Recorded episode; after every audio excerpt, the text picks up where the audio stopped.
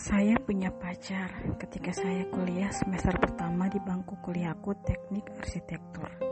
Kami begitu dekat. Dia seorang yang sangat baik, seorang wanita yang sangat saya sayangi. Begitu juga dia kepada saya. Berselang dua tahun kemudian, ketika dia perjalanan menuju sebuah kota, dia pergi sendirian menggunakan motor bebek yang sering dia pakai ke mana-mana.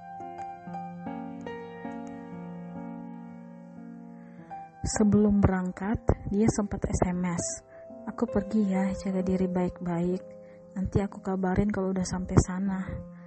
Ternyata hari itu dan SMS itu merupakan SMS terakhir dia untuk saya. Hari nas itu terjadi pada dirinya.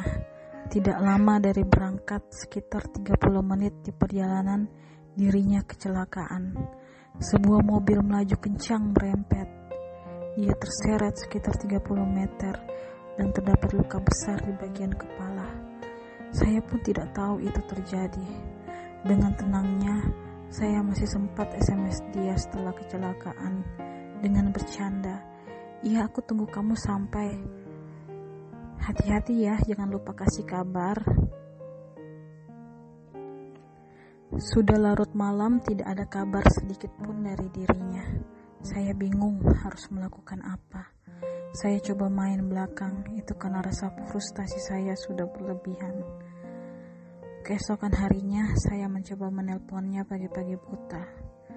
Handphonenya masih saja tidak aktif. Saya pasrah, kemudian saya berpikir mungkin cariannya tertinggal. Dia yang waktu itu sudah dibawa ke rumah sakit terdekat, belum sadarkan diri. Di saat saya bertanya, di manakah dia? Siang itu menjelang, saya mencoba jalan-jalan untuk refreshing. Tidak lama kemudian ada suara SMS di handphoneku yang berisikan, Adik Imam, Reina sudah pergi. Itu merupakan SMS dari kakaknya yang sudah akrab dengan saya. Saya pun menjawab SMS itu dengan simpel. Iya mbak, aku sudah tahu kok, kemarin kan dia pergi.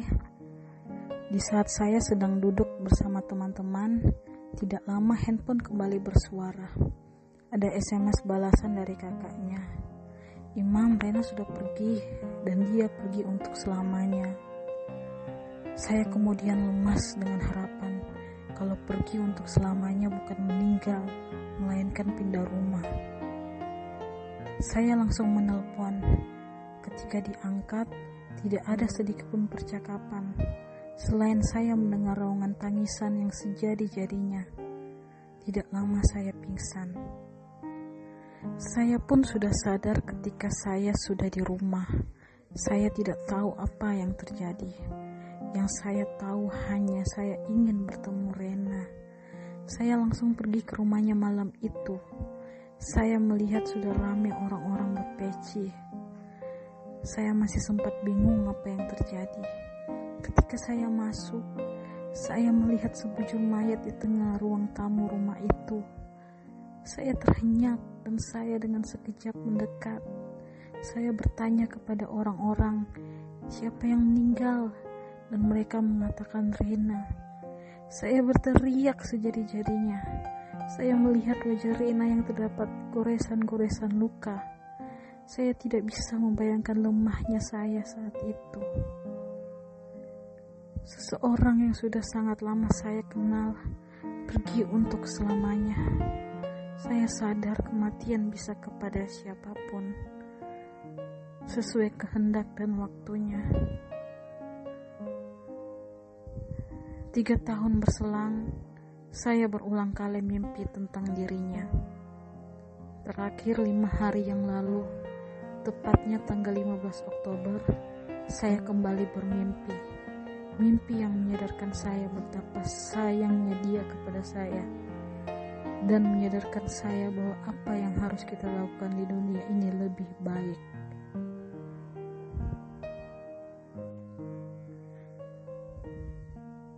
Dalam mimpi itu, saya bermimpi seperti nyata dan benar-benar terlihat nyata kami bertemu di depan kampus, saya bercerita-cerita.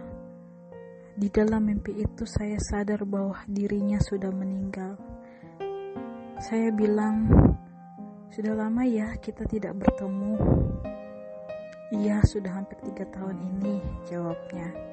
"Saya kangen kamu," timpal kembali jawaban saya. Saya bertanya, selama tiga tahun di dalam kubur, apa yang kamu lakukan? Dia menjawab dengan santai, tapi ternyata ini adalah peringatan besar untuk saya dan Anda. Jawabannya sangat sederhana. Mam, kalau saya ceritakan apa yang terjadi kepada saya selama tiga tahun di dalam kuburan, tidak akan ada lagi kejahatan di dunia ini siksaan dan hukuman yang tidak pernah dibayangkan orang yang masih hidup, dan kamu harus berbuat sebaik mungkin sebelum ajal dan meninggal seperti aku. Aku pengen hidup sehari saja untuk memperbaiki semua kesalahan aku. Itu kalimat ucapan Rena yang membuat jantung saya langsung berdetak. Tidak lama dalam mimpi itu, dia mau pamit dan pergi. Dan yang sangat saya herankan seperti sebuah kenyataan. Ini seperti reka ulang tiga tahun yang lalu. Dia pamit seperti di saat-saat kematiannya. Dia bilang baik-baik ya, jaga diri. Dia pergi menggunakan motor dan pakaian yang sama pada saat kecelakaan. Aku bilang, aku mau ikut Tidak mau kamu pergi. Gak usah ikut aku. Tidak lama dia pergi. Aku kejar dan dia telah menghilang. Saya tersadar dari tidur. Dan di saat itu tubuh saya langsung merinding. Tapi sangat segar tidak seperti biasanya. Saya berpikir mungkin mimpi itu membawa saya ke dalam alam lain karena konon satu hari di dunia perbandingannya sekian kali lipat di alam sana. Sampai saat ini, saya masih sangat terpikir dengan pesan-pesannya bahwa betapa menyesalnya kita bila kita tidak berbuat sebaik mungkin di dunia.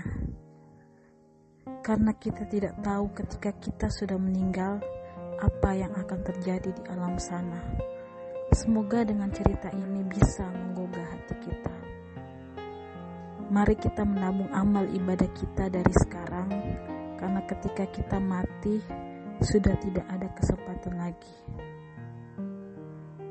Wassalamualaikum warahmatullahi wabarakatuh.